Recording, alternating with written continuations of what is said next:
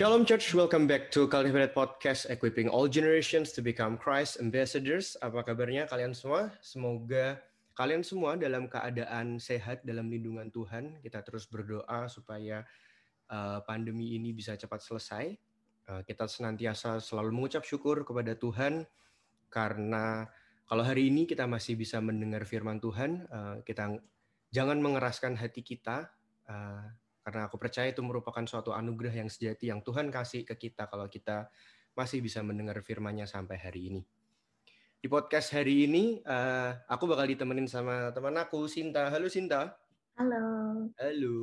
Ini kayak pertama kalinya kita uh, nge-host bareng ya sih? hari ini kita rekaman pertanggal 24 Januari 2021. Melbourne hari ini panas sekali Uh, apa kabar Sinta? Sinta yang nggak jadi for good ini.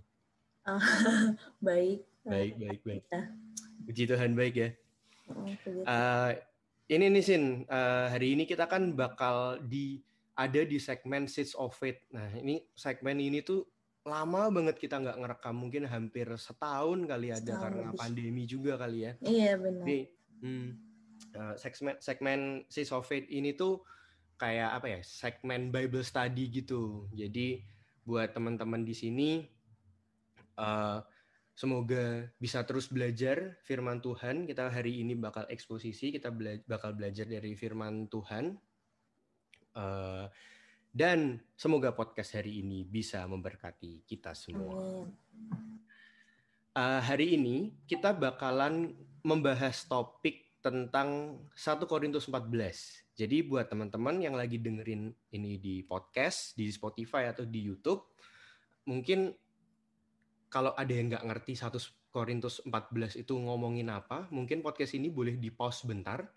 Uh, I think uh, buat baca 1 Korintus 4, uh, 14 itu nggak lama, paling mungkin 10-15 menit. Kalian bisa pause bentar biar kalian tahu ini ngomongin apa, konteksnya ngomongin apa. Jadi kalian boleh baca dulu 1 Korintus 14 itu tentang apa. Jadi aku benar-benar encourage kalian baca dulu.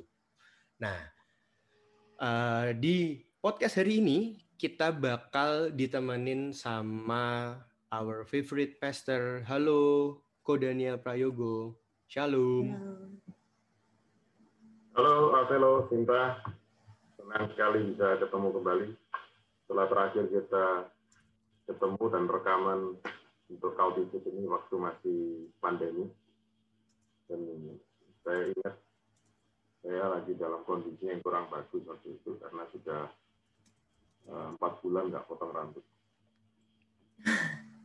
Sekarang kelihatan muda kok. Eh. Muda atau mudah-mudahan ya? Atau mudah-mudahan muda. Mudah-mudahan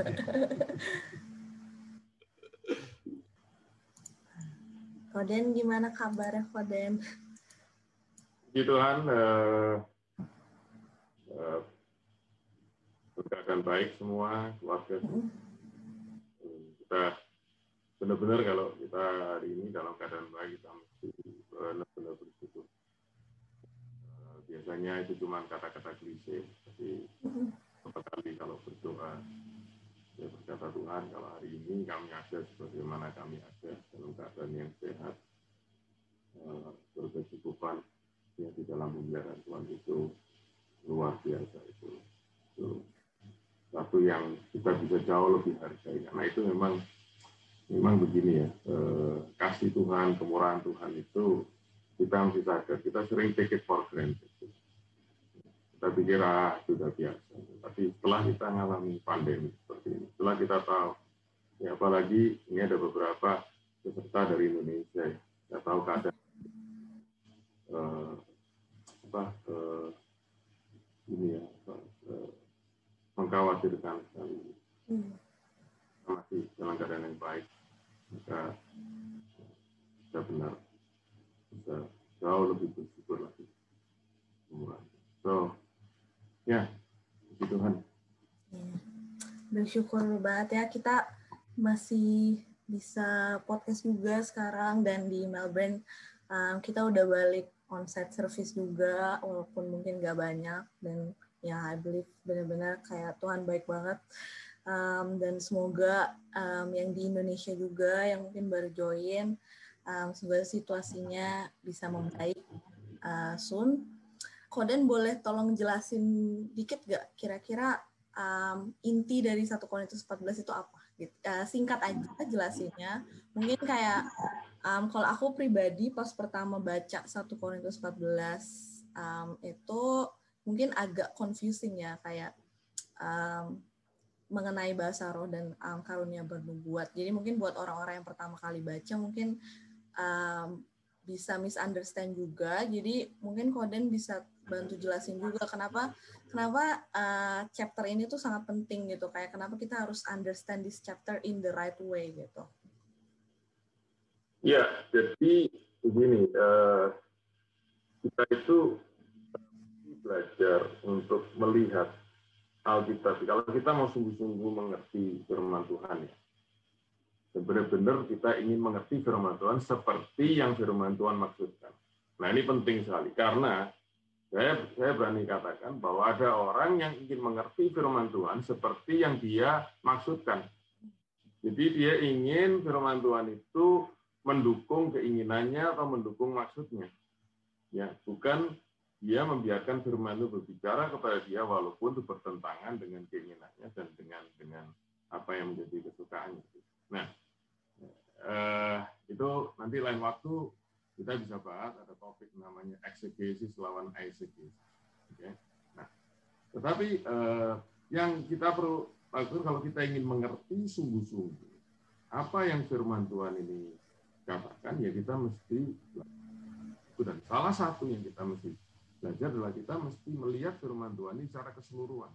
Jadi jadi kita eh, kita tidak bisa melihat Alkitab ini ya atau ayat-ayat di Alkitab ini sepotong-sepotong. Nah, saya pernah bahas di salah satu uh, forum Bible Study yaitu salah satu problem yang kita miliki sekarang dengan membaca Alkitab adalah karena ada ayat. Nah, ayat itu yang membuat kita itu melihat Alkitab itu sebagai ayat demi ayat itu. Kita lupa bahwa mereka itu berkesinambungan satu dengan yang lain. Nah, yang jadi masalah adalah kalau kita mulai ambil satu ayat, lalu kita tafsirkan sendiri, apalagi kita tafsirkan sendiri karena itu cocok dengan kita, ya terlepas daripada ayat sebelum dan sesudahnya.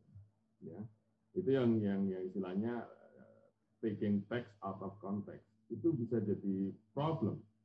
Ya, dan dan apa apalagi ya, apalagi kalau sudah uh, mengatasnamakan wah saya hari ini dapat rema you know, dari ayat ini rema dari ayat ini ya.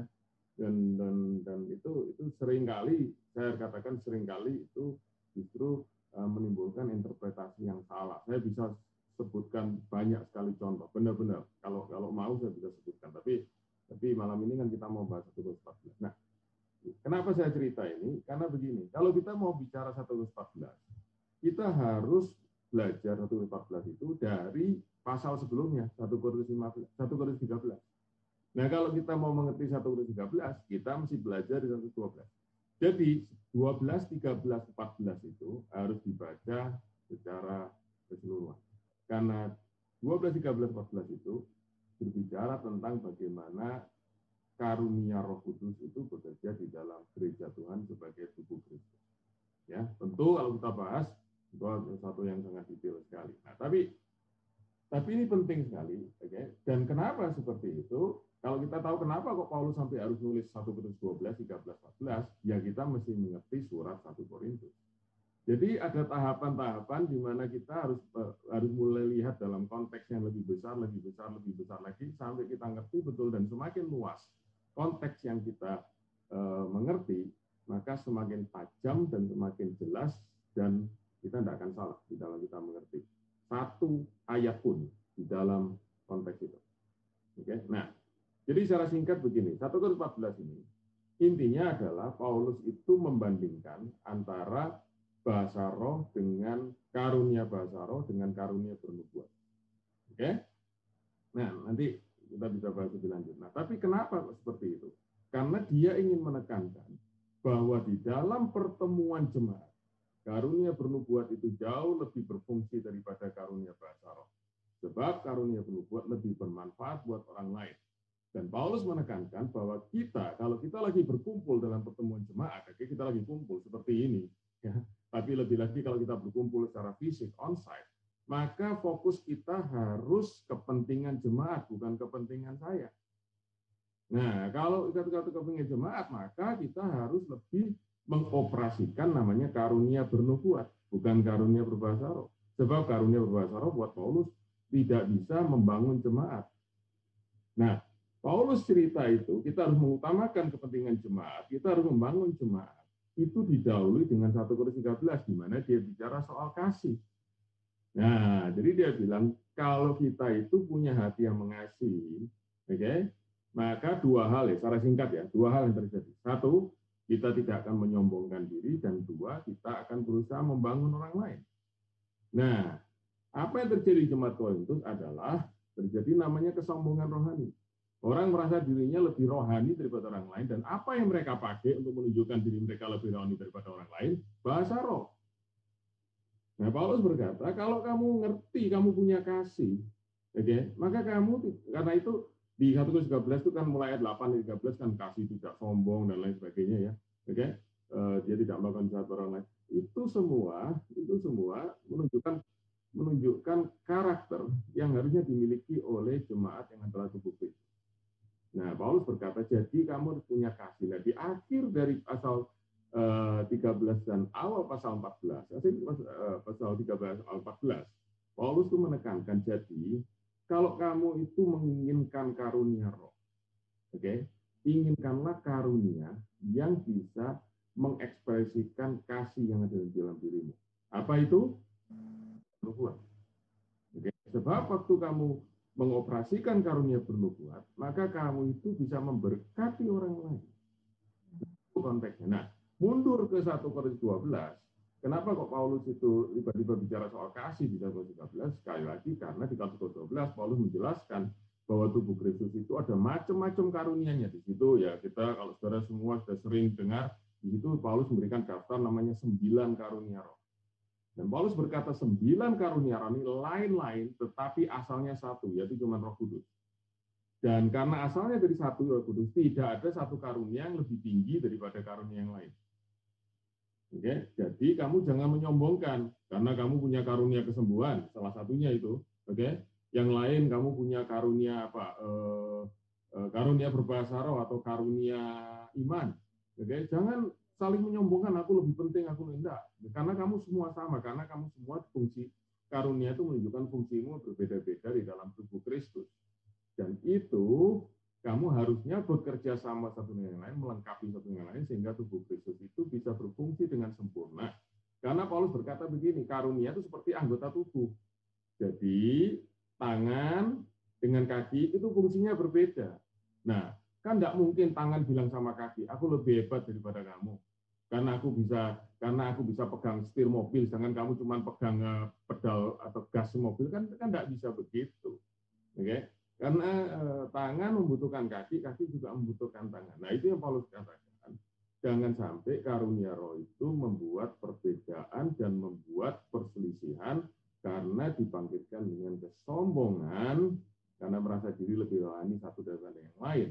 Nah, lalu Paulus berkata, karena itu kamu mesti belajar namanya dasar dari karunia roh. Itu adalah kasih. Karena itu 1 Korintus 13 dia bilang begini. Aku tuh punya karunia macam-macam. Saya saya pakai bahasa yang sederhana ya. Oke. Okay? Ya. Kamu punya karunia yang paling hebat sekalipun. Kalau kamu tidak punya kasih, kamu nggak berguna. Ya, di mata Tuhan, you are nothing. Nah, jadi itu kita mesti belajar 12, 13. Nah, dari situ, dari karunia yang berbeda-beda itu, Paulus fokus cuma sama dua karunia. Itu karunia bernubuat, karunia bahasa roh. Hmm. Kenapa? Karena di situ Paulus menjelaskan, kalau kamu berkumpul, karena ini konteksnya kan jemaat Korintus, bukan pribadi demi pribadi, tapi jemaat Korintus. Jemaat Korintus. Maka kalau kamu berkumpul di dalam pertemuan jemaat itu ayat ayat 25, ya itu itu itu itu inti daripada daripada eh, surat Paulus itu ya ada di ayat yang ke 26 sorry 26 ya ini ya saya saya saya, saya share, share screen ya Jadi bagaimana saudara bila mana kamu berkumpul. Nah, itu itu konteksnya. Jadi konteks 1 14 ini adalah kalau kita lagi kumpul. Dan karena itu Paulus berkata, itu kita harus uh, harus lebih banyak mengoperasikan karunia penubuat sebab itu yang berguna buat orang lain dan kalau kita kumpul tujuan kita adalah memberkati orang lain bukan menunjukkan kehebatan kita itu Sinta dan uh, saya memang tidak bisa menjawab pertanyaan yang pendek dengan pendek. Gitu. Pendek panjang. Kalau pertanyaanmu panjang, lain kali saya coba jawab dengan pendek. Siap kok. Kita siap sampai jam 10 malam hari ini. Kok uh, tadi di awal kita ngomongin karunia nubuat. Itu belum-belum sudah menarik menurutku. Ayat 5 dia bilang, aku suka supaya kamu berkata-kata dengan bahasa roh, tetapi lebih daripada itu supaya kamu bernubuat. Aku pengen kita go to the basic kok. Up, nubuat itu apa sih kok? Maksudnya apakah kita tuh bisa tahu, bisa baca masa depannya orang? Apa kita tuh bisa tahu lima tahun lagi orang ini jadi apa? Atau bisa tahu kamu nanti celaka besok apa? Jadi kamu jangan pergi ke sini karena kamu kalau pergi ke situ kamu celaka. Apa kok nubuat itu apa sih kok?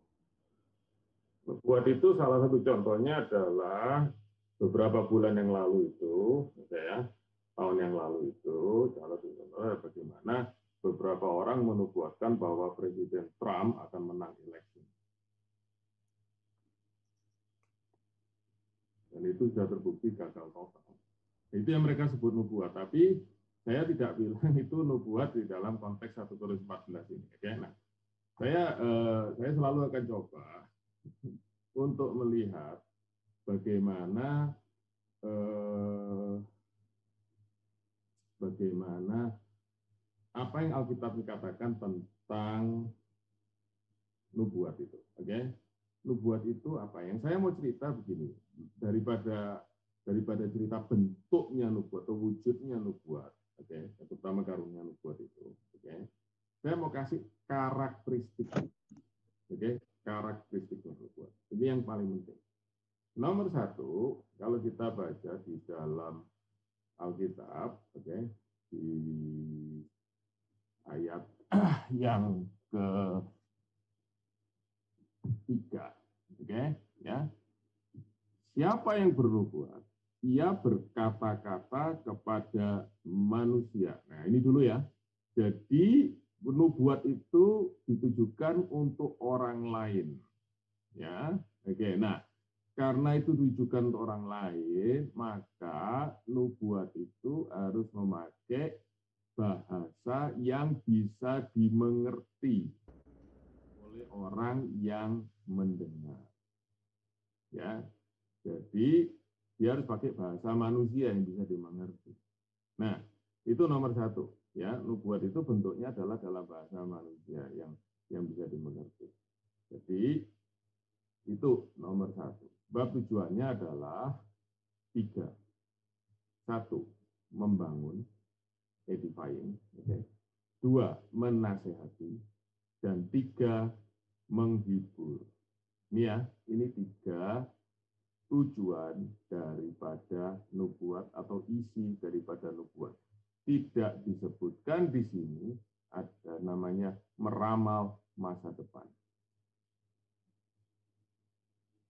Jadi itu di dalam konteks 1 Korintus 14 loh ya. Oke. Okay? Orang saya berkata, oh tapi ada di luar itu, saya tidak tidak tidak akan komentar karena kita hari ini membahas 1 Korintus 14.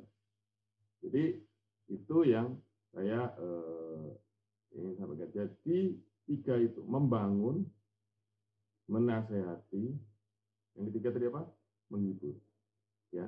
Jadi kalau nubuat sudah mulai menuduh, kamu ada dosa, ini ya. Terus mengancam, oke, okay? kalau kamu tidak bertobat, ya. Terus apalagi mengintimidasi, ya, e, merendahkan, itu sudah jelas di luar kebenaran firman Tuhan di luar kriteria yang diberikan di dalam firman Tuhan. Ya. Saya akan coba sedapat mungkin semua pertanyaan saya akan coba untuk dapat-dapatnya ya dari apa yang saya mengerti. Saya akan membiarkan Alkitab yang menjawab pertanyaan kita malam ini. Supaya kita semua tahu bahwa itulah kebenaran dari perkataan firman Tuhan sendiri. Bukan saya yang. Ya itu dulu. Nah, kalau ini kok, kalau ayat satu kok, kejarlah.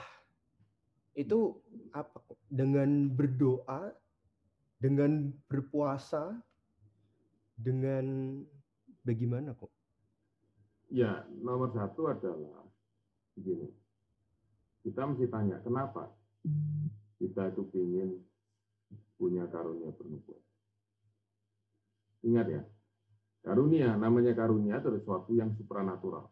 Yang roh kudus berikan pada kita. Itu kan namanya karunia. Itu nomor satu. Nomor dua, karunia itu adalah sesuatu yang roh kudus sendiri berikan kepada kita. Jadi itu tidak bisa di-create, itu tidak bisa kita ciptakan sendiri. Itu tidak bisa dilatih. Ya. Sebab itu dari Tuhan. Itu bukan bukan dari kita. Makanya eh, apa dalam hal ini ya, kalau saya mengambil definisi itu karunia ya, itu karunia Roh Kudus ya. Itu bukan karunia ini ya, apa namanya karunia kemampuan kita kayak seperti karunia leadership. Ya, itu ada lagi di Roma pasal 12 itu ada sembilan lagi namanya karunia pelayanan, karunia memberi apa itu itu suatu kita bisa bisa kembangkan sebab itu sesuatu yang Tuhan taruh dalam diri kita yang kita bisa latih. Tapi kalau karunia karunia roh itu itu benar-benar roh kudus yang melakukan, roh kudus yang melakukan pada saat dan waktu di mana dia melakukan itu prerogatif buat saya itu prerogatif daripada roh kudus dan dia pakai dia bisa pakai siapa saja yang dia mau karena tidak tergantung tergantung kehebatan kita. Makanya namanya itu gift ya yang diberikan oleh Roh Kudus. Kalau kita baca di 1 Korintus 12. Oke. Okay? Kamu bisa baca di 1 Korintus 12 ayat yang ke ayat 11. Oke, okay? 1 Korintus 12 ayat 11 ya. 1 Korintus 12 ayat 11. Firman Tuhan berkata gini, semuanya itu kerjakan oleh roh yang satu. Semuanya itu apa? Karunia-karunia itu Roh yang satu dan yang sama, yaitu Roh Kudus, yang memberikan karunia kepada tiap-tiap orang secara khusus. Artinya orang satu, orang lain beda-beda. Seperti yang dikehendakinya. Jadi, nomor satu, kita tidak bisa menentukan. Roh Kudus saya ingin dapat karunia. Dan saya ingin karunia yang kesembuhan. Kenapa? Itu yang paling keren. itu yang paling keren. Nggak bisa. Oke, okay? Karena Roh Kudus yang mau pakai kita seperti yang dia mau. Karena itu itu namanya gift dan itu semuanya tergantung pada Roh Kudus dan karena itu saudara jangan merasa kecil hati kalau kalau kita itu tidak diberi karunia roh. Ada orang kata, sebab perhatikan yang Tuhan cari dari hidup kita itu bukan karunia roh. Yang Tuhan cari dari kita itu buah roh. Nah orang sering salah.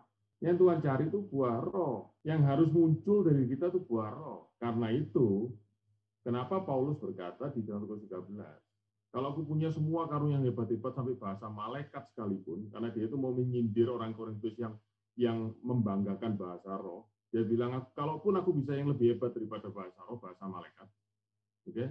Tapi kalau aku tidak punya buah roh, yang adalah kasih, aku sama sekali nggak berguna. Ya, jadi itu dulu nomor satu. Ya, nah, tapi sekarang Paulus berkata, kalau kamu sudah mengerti hatimu dipenuhi oleh kasih Tuhan, kamu pasti ingin memberkati orang lain. Kamu nomor satu kalau kita punya kasih, kita tidak akan jadi selfish.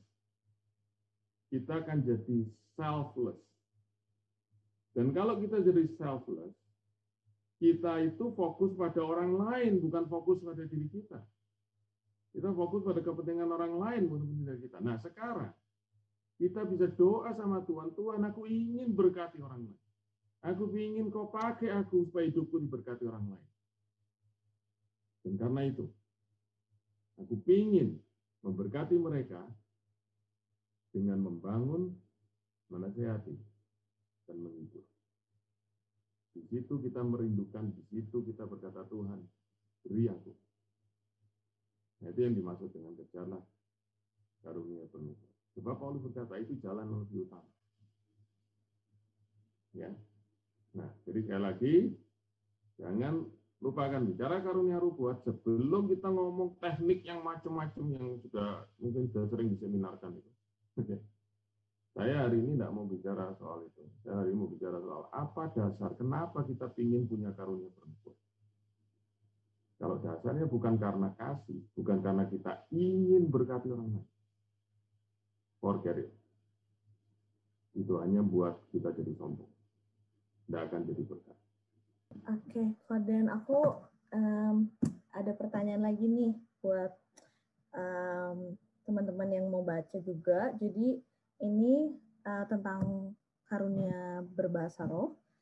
Um, di ayat 12 kan ditulisin um, demikian pula dengan kamu kamu memang berusaha untuk memperoleh karunia roh tetapi lebih daripada itu hendaklah kamu berusaha mempergunakannya untuk membangun jemaat dan um, kalau di translation Inggrisnya mungkin um, it also says kayak edifying about edifying the church. Jadi um, kalau berbicara dalam konteks berjemaat nih atau konteks um, dalam gereja, sebenarnya karunia berbahasa roh itu apakah um, tidak membangun gereja, maksudnya tidak membangun jemaat-jemaat gereja atau gimana? Karena di ayat um, di ayat ke-9 juga kan ditulis kayak kalau misalnya kamu berbahasa roh itu tapi kayak orang-orang tidak mengerti apa yang kamu katakan. Jadi um, itu kata-katanya seperti sia-sia gitu. Jadi um, kira-kira gimana tuh Kodan?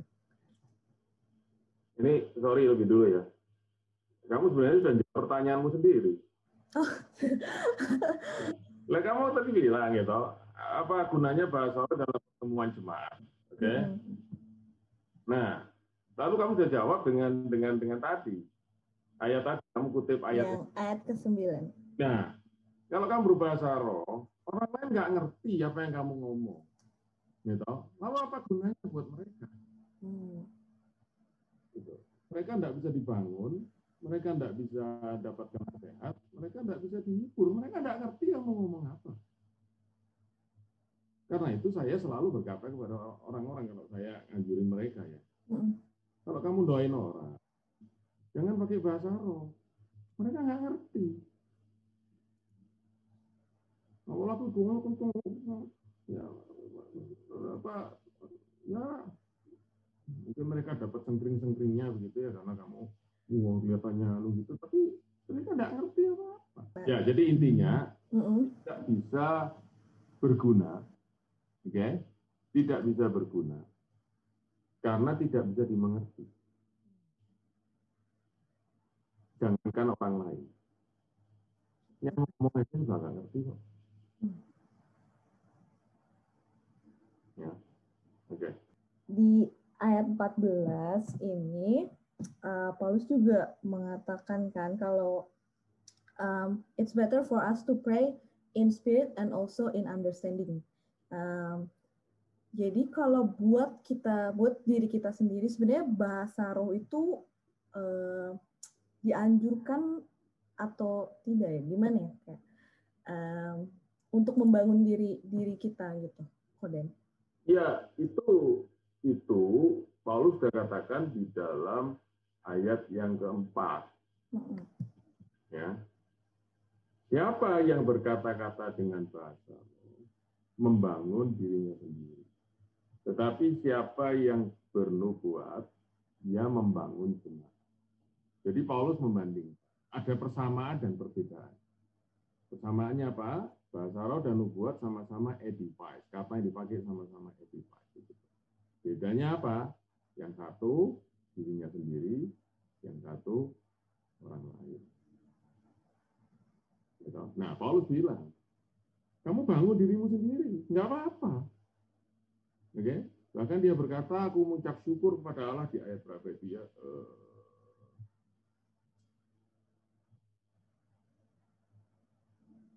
cari ya ketemu mestinya bisa ketemu sih tapi uh, saya kalau sudah di, apa pikiran saya sudah konsentrasi ini saya jadi malah tidak dikatakan aku mengucap syukur kepada Allah bahwa aku berbahasa roh lebih daripada kamu semua. Paulus Paulus mengucap syukur kepada Tuhan. Dia berterima kasih bisa berbahasa. Jadi kalau bahasa roh itu tidak penting, buat apa Paulus mengucap syukur kepada Allah? Dia bisa berbahasa lebih daripada orang lain. Jadi ini juga on balance, gitu, untuk untuk, untuk kita mengerti kalau kita sudah ngomong ah nubuah lebih penting, kalau itu bahasa Arab tidak penting loh, loh, Kalau gitu kenapa kok Paulus sampai ngomong aku mengucap syukur kepada Allah? Nah, aku berbahasa lebih daripada kamu. Oke? Okay? Nah, itu nah cuman Paulus berkata, bahasa itu membangun dirimu sendiri. Bahkan dia juga berkata, aku juga berdoa dalam rohku, aku juga berdoa dalam akal budiku, ya toh. Jadi dia juga berbahasa. Nah, eh, tapi dia berkata sekali lagi, kalau kamu ini sudah bicara dalam konteks tubuh Kristus, yang kamu harus utamakan adalah membangun orang lain, bukan bangun diri sendiri. Ya, itu. Terima kasih Koden, terima kasih. Uh, sangat menjelaskan. Aku mau ini nih kok aku mau ke kita move on to ayat selanjutnya. Aku merasa bingung di yang ayat 22. Ini sebenarnya aku bingung bingung sih ini, bingung banget. Karena itu karunia bahasa roh adalah tanda bukan untuk orang yang beriman, tetapi untuk orang yang tidak beriman. Sedangkan karunia untuk bernubuat adalah tanda bukan untuk orang yang tidak beriman, tetapi untuk orang yang beriman. Itu gimana kok maksudnya kok? Ya mesti tanya Rasul Paulus. Oh iya benar juga sih. Dan takutnya dia yang ngomong. Kan dia yang ngomong ya, benar juga. Oke. okay. Ini memang saya harus katakan ini salah satu bagian yang paling sulit di 114. Oke. Okay? Tapi tetap kita mesti lihat, makanya kalau kita sudah ngerti konteksnya, maka kita lebih mudah untuk mencari makna daripada ayat tersebut. Oke? Nah, jadi eh, kalau kita lihat ya ayat 22, maka kita tidak bisa lepas daripada ayat yang sebelumnya, yaitu ayat 21. Di situ dikatakan, di dalam hukum Taurat ada tertulis oleh orang-orang yang mempunyai bahasa lain atau uh, bahasa ini dia, dia mereka, uh, itu Rasul Paulus mengutip dari Yesaya 28 ayat 11 dan 12. Jadi kalau mau ya dibaca. Sebagai kata berlogat ganjil. Ya, jadi ini ya bahasa yang aneh gitu, gitu. Jadi Allah berkata gini, oleh orang-orang yang mempunyai bahasa lain dan oleh mulut orang yang asing, aku akan berbicara pada bangsa ini. Namun demikian mereka tidak mendengarkan aku firman Tuhan. Ayat 22. Karena itu, ya. Nah, kamu kan mesti, kamu kan tahu ini ini istilah ini kan grammar yang sederhana ya, Pak Velo ya. Ini grammar, ini basic grammar. Kamu tidak bisa buat kalimat awal, topik yang baru dengan kata therefore. Benar? Coba kamu sekarang nulis. Nulis tulisan apa aja? Bisa enggak kalimat kata pertamamu therefore?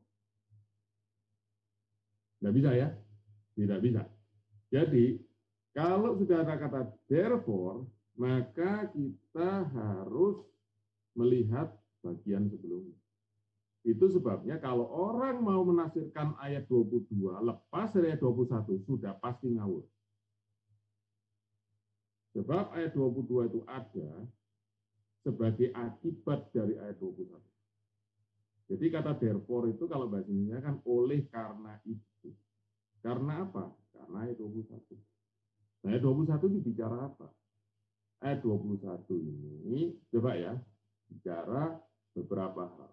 Nomor satu, bilang gini, ada orang-orang yang berlog apa yang berbahasa lain, berbahasa yang aneh, berbahasa yang tidak bisa dimengerti. Itu nomor satu ya. Dan waktu orang lain berbicara, orang lain mendengar bahasa ini, mereka tidak bisa mengerti apa yang disampaikan oleh orang-orang ini. Benar ya? Itu ayat 21 ya, kita lihat ya. Nah, tapi apa akibatnya mereka tidak bisa mengerti? Kalau kita dengar orang lain, saya saya nggak saya nggak nggak nggak bisa bahasa Mandarin. Oke, saya kalau dengar orang ngomong Mandarin atau ngomong bahasa Jepang, saya nggak bisa mengerti. Tapi terus apa efeknya buat saya? Yang nggak ada, paling saya nggak bisa mengerti. Tapi dalam ayat 21, itu efeknya serius. Karena dikatakan, waktu mereka nggak ngerti bahasa asing ini, mereka tidak mendengarkan asing.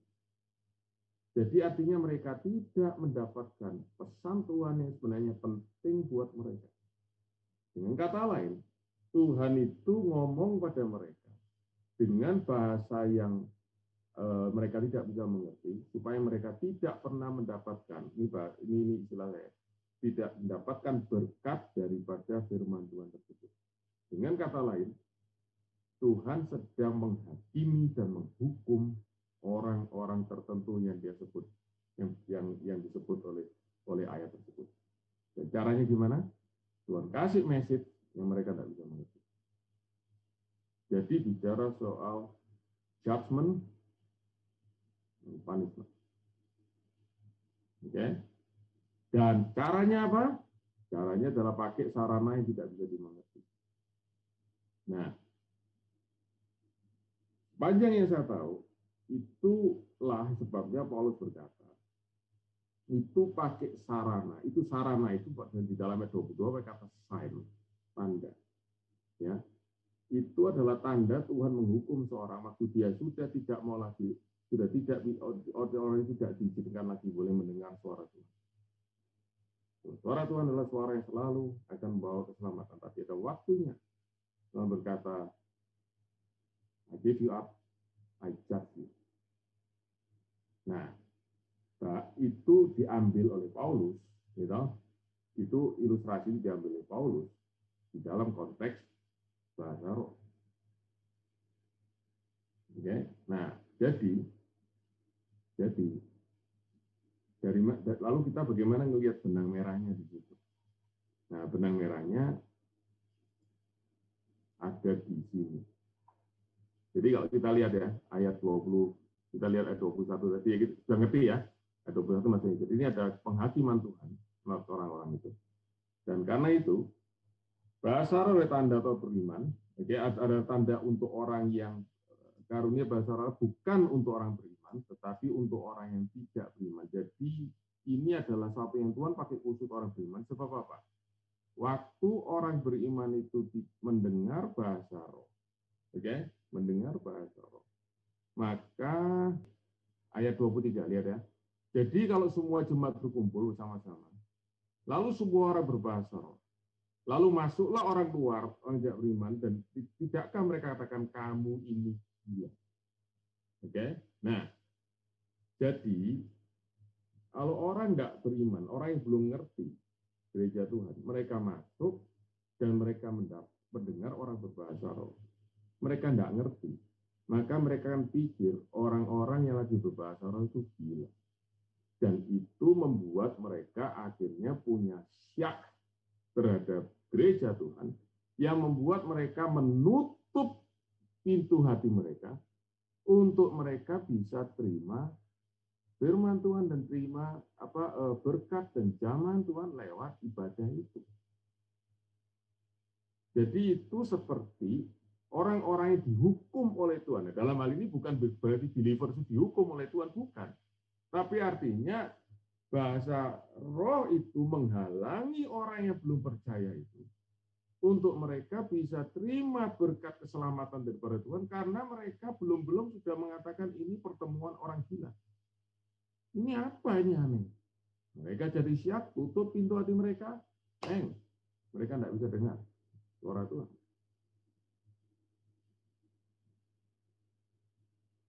Kira-kira jelas nggak? Jelas kok, mantap. Oke. Jelas. Oke, nah, jadi hmm. itulah Paulus berkata bahwa kalau kamu itu berbahasa, oke, itu ada dampak negatif yang kamu mungkin tidak sadar pada orang yang belum beriman, orang yang belum percaya. Itu konteksnya ayat 21, 22, dan 23. Ya. Thank you, Koden.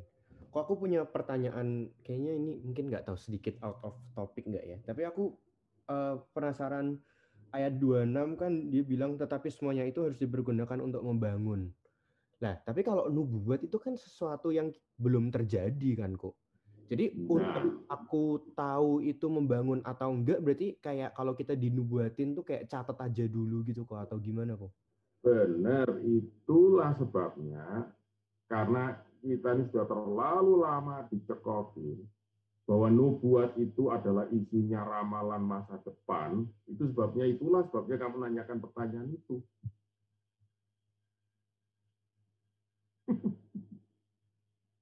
Pertanyaanmu itu dimulai dengan presupposition, ya, presupposition. Sudah kamu sudah membangun di atas asumsi bahwa nubuat itu adalah selalu menunjukkan nanti ke depan itu seperti apa.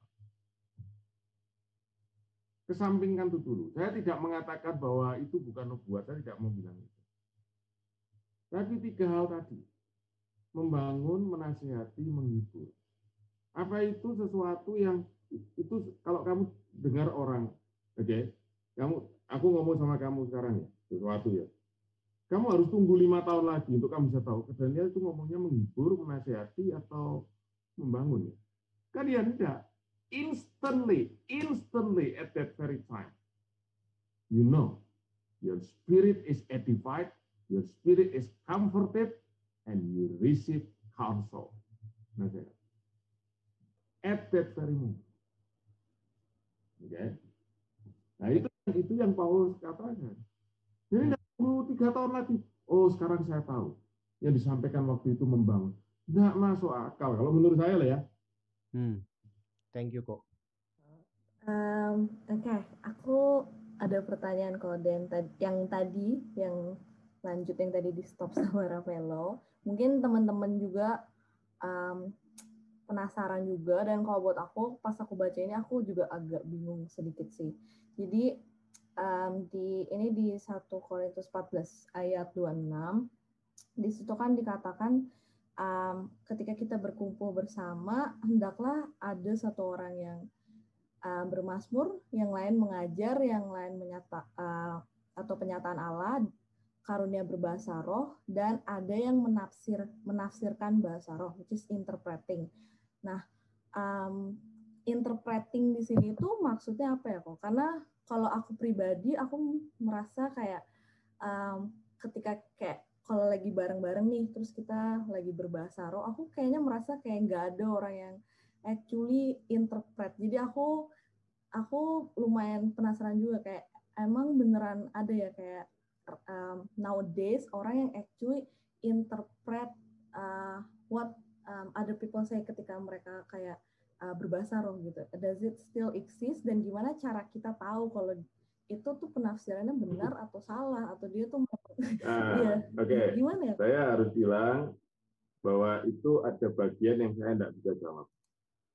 Bukan saya tidak berani jawab, memang saya tidak bisa. Oke. Okay? Yeah. Tapi begini, okay. ingat sekali lagi, makanya 26 itu kan tadi ayat pertama yang saya singgung. Ini dalam konteks pertemuan jemaat. Oke? Okay? Paulus bilang. Gini, kalau kita pertemuan jemaat itu, kita terus datang dan masing-masing itu bawa sesuatu. Oke? Okay? Maksudnya apa? Satu bawa resoles, satu bawa pisang goreng, satu lagi bawa makroni, oke? Okay? Satu lagi bawa soft drink, bukan itu. Oke, okay. itu sih baik saja, oke? Okay? Bagi lo cool ya, itu baik saja gitu. Tapi tapi eh, konteksnya bukan itu. Artinya bahwa sesuatu yang membangun kita secara rohani. Nah, saya kasih sedikit ya. Ini ini sedikit sedikit uh, insight dari itu. Begini. Jadi kalau kita datang ke pertemuan, ya toh, datang ke school, datang ke self group. Okay. Ya. Gimana itu pertemuan kita loh ya. Jadi bukan datang ke kelas Bible study, Oke, lain. Kalau itu kan kita mau belajar, kita mau terima, gitu ya. Tapi kalau datang ke namanya persekutuan, itu kita mesti punya mentality, saya mau bawa sesuatu yang saya bisa bagikan. Sebab ingat, sekali lagi, tiap kali kita kumpul, pikiran kita harus selfless. Jangan selfish. Jadi saya mau kasih apa ya? Saya bisa bagikan apa ya? Itu harus kita pikirkan. Ya, yang sering kan orang begini, ayo, ayo persekutuan. Pernah enggak dengar kalimat ini? Enggak, kenapa? Aku enggak dapat apa-apa. Pernah enggak? Siapa yang pernah? Tolong, tolong, tolong kasih, kasih. Pernah? Pernah ya? Aku nggak dapat apa-apa, nggak mau datang. Itu pikiran selfish. Saya datang, saya pengen dapat sesuatu. Kalau saya nggak dapat sesuatu, saya nggak mau datang. Paulus bilang salah. Kalau kamu datang itu kamu harus bawa sesuatu. Dan kalau semua bawa sesuatu, pasti semua dapat sesuatu. Benar nggak? Tapi kalau semua datang minta sesuatu, akhirnya tidak ada satupun yang dapat karena semua datang saya tidak mau apa-apa, saya mau dikasih. Gitu? Semua selfish, tidak ada satupun yang dapat. Tapi kalau semua mendahulukan orang lain, semua pasti dapat. Nah, ini penting sekali. Tadi kan saya sudah sempat singgung ini nggak nggak muncul-muncul pertanyaannya, terpaksa saya ulangi lagi gitu bahwa bahasa roh itu tidak ada gunanya buat orang lain kecuali kalau dia diterjemahkan. Lalu diterjemahkan dia jadi seperti nubuat. Nah itu sebabnya di pertemuan jemaat begitu Paulus ngomong karunia bahasa roh langsung disusul dengan karunia menafsirkan bahasa. Sebab kalau tidak tidak ada gunanya buat jemaat. Ya. Nah terus pertanyaanmu, kenapa kok saya tidak melihat itu sekarang ya. Sebab memang kita tidak mengejar itu. Kita terlalu cepat puas dengan karunia bahasa Itu persoalannya. Kita tidak pernah minta Tuhan gimana ya? Teman-teman semua sudah banyak Pak. Kita semua sudah bisa bahasa roh. Tapi supaya bahasa roh kita ini bisa memberkati satu sama lain. Kalau ada yang menerjemah, kita tidak pernah doa gitu. Saudara pernah doa gitu? Kenapa? Doa apa? Ayo, lebih lagi bahasa rohnya. Bahas sekali lagi. Saya sudah ngomong di depan ya. Bahasa roh itu bukan tidak penting. Bahasa itu sekali lagi satu tulis 14 18 untuk apa Paulus berkata aku mengucap syukur pada Allah. Aku berbahasa roh lebih daripada kamu semua. Okay. Tapi Paulus berkata, walaupun aku berbahasa roh lebih daripada kamu semua, tapi kalau aku ketemu sama kamu, aku lebih baik mengucapkan lima kata yang kamu yang kamu bisa mengerti daripada seratus kata bahasa roh yang kamu bisa mengerti. Nah ini yang kita mesti, mesti karena yang terakhir itu terus terang saya tidak bisa Gimana kita bisa sampai tahu bahwa itu benar atau enggak atau gimana. Ya. Tapi tapi eh, apa eh, apa saya percaya Roh Kudus bisa bisa bisa bekerja dan kita mesti rindukan. Karena itu ayat ayat yang ini ya eh, ayat yang ke berapa 13 ya. Oke, ini yang ini ya. Karena itu siapa yang berkata-kata dengan bahasa roh? Ini dalam konteks pertemuan jemaat ya. Bab ini kan ini ya yang membangun jemaat kan gitu ya. Oke, jadi ini 13 ini masih dalam konteks mempergunakannya untuk membangun jemaat. Oke. Jadi semua karunia yang kamu minta itu bukan supaya membangun reputasimu tapi untuk membangun jemaat. Itu yang penting. Bukan supaya kalau kamu khotbah kamu bisa cerita banyak, kasih contoh-contoh kesaksian bagaimana kamu tuh punya karunia macam-macam, bukan itu.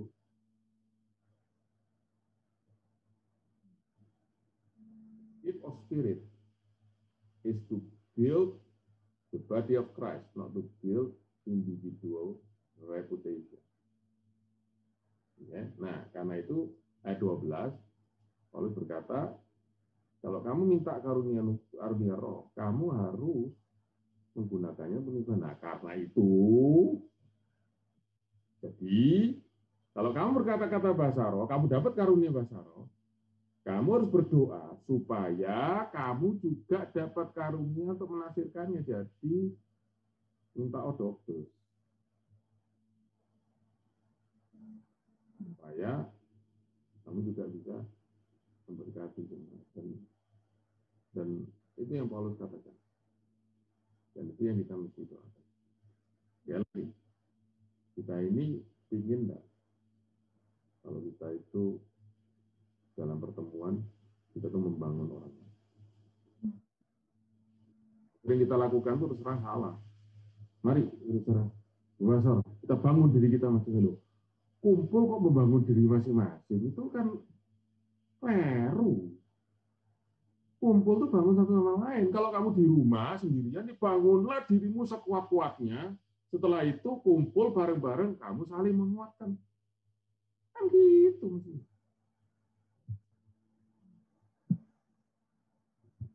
Ya. Itu ya. ya. Gimana Sin? Jelas nggak Sin?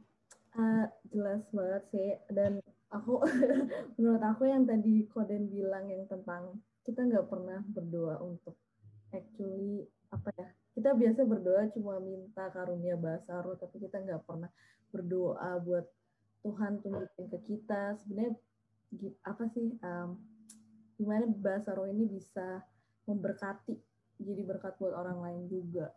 Um, dan boleh nggak aku aku boleh tanya satu lagi nggak? Um, tadi kan boleh yang kamu hostnya ya cuma nggak sih aku cuma mau confirm doang sebenarnya. Um, kan kan dari tadi kita ngomongin tentang um, bahasa roh itu ya um, untuk membangun diri sendiri tidak untuk membangun jemaat. Jadi um, kayak misalnya di cool gitu kalau misalnya ada orang yang um, kadang kan bahasa roh banyak kan gitu bareng-bareng kayak ayo mari kita semua berbahasa roh gitu.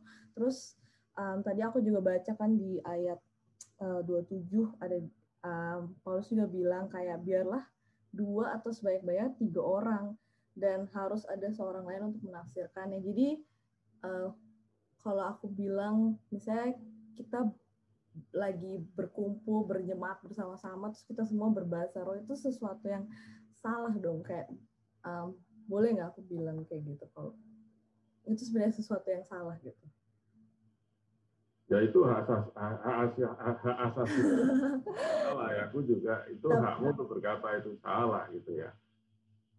Jadi begini jadi begini.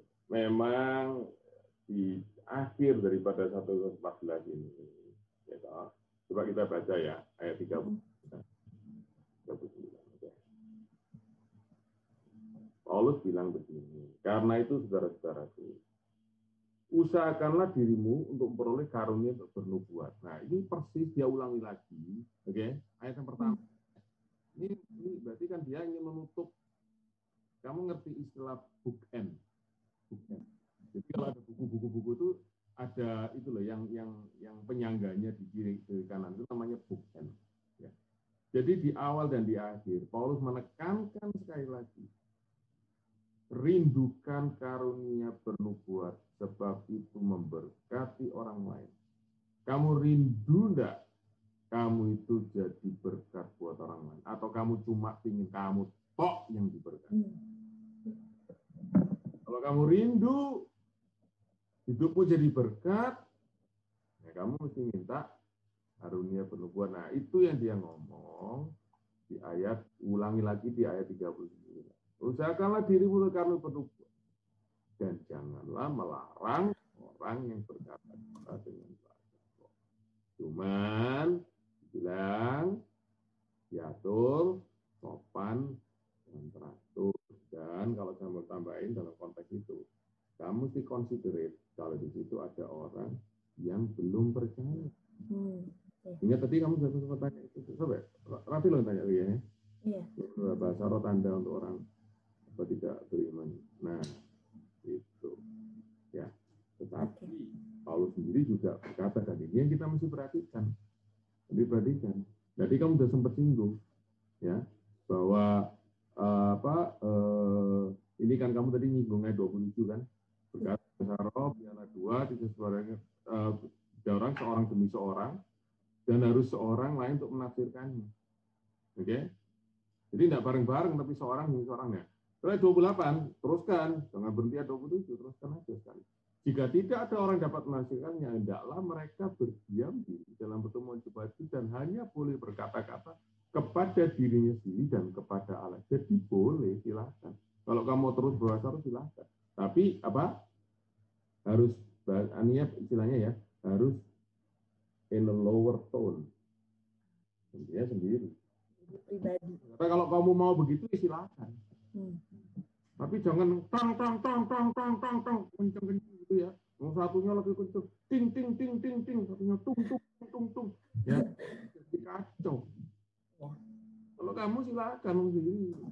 Kamu ngomong sama Tuhan sendiri itu dia mengulangi, artinya ya, dia mengulangi sebenarnya kalau saya saya saya lihat ya katakan dia hanya boleh berkata-kata kepada diri sendiri kepada Allah, dia itu mengulangi di ayat yang kedua. Apa berkata roh tidak berkata kepada manusia, tapi kepada Allah. Itu.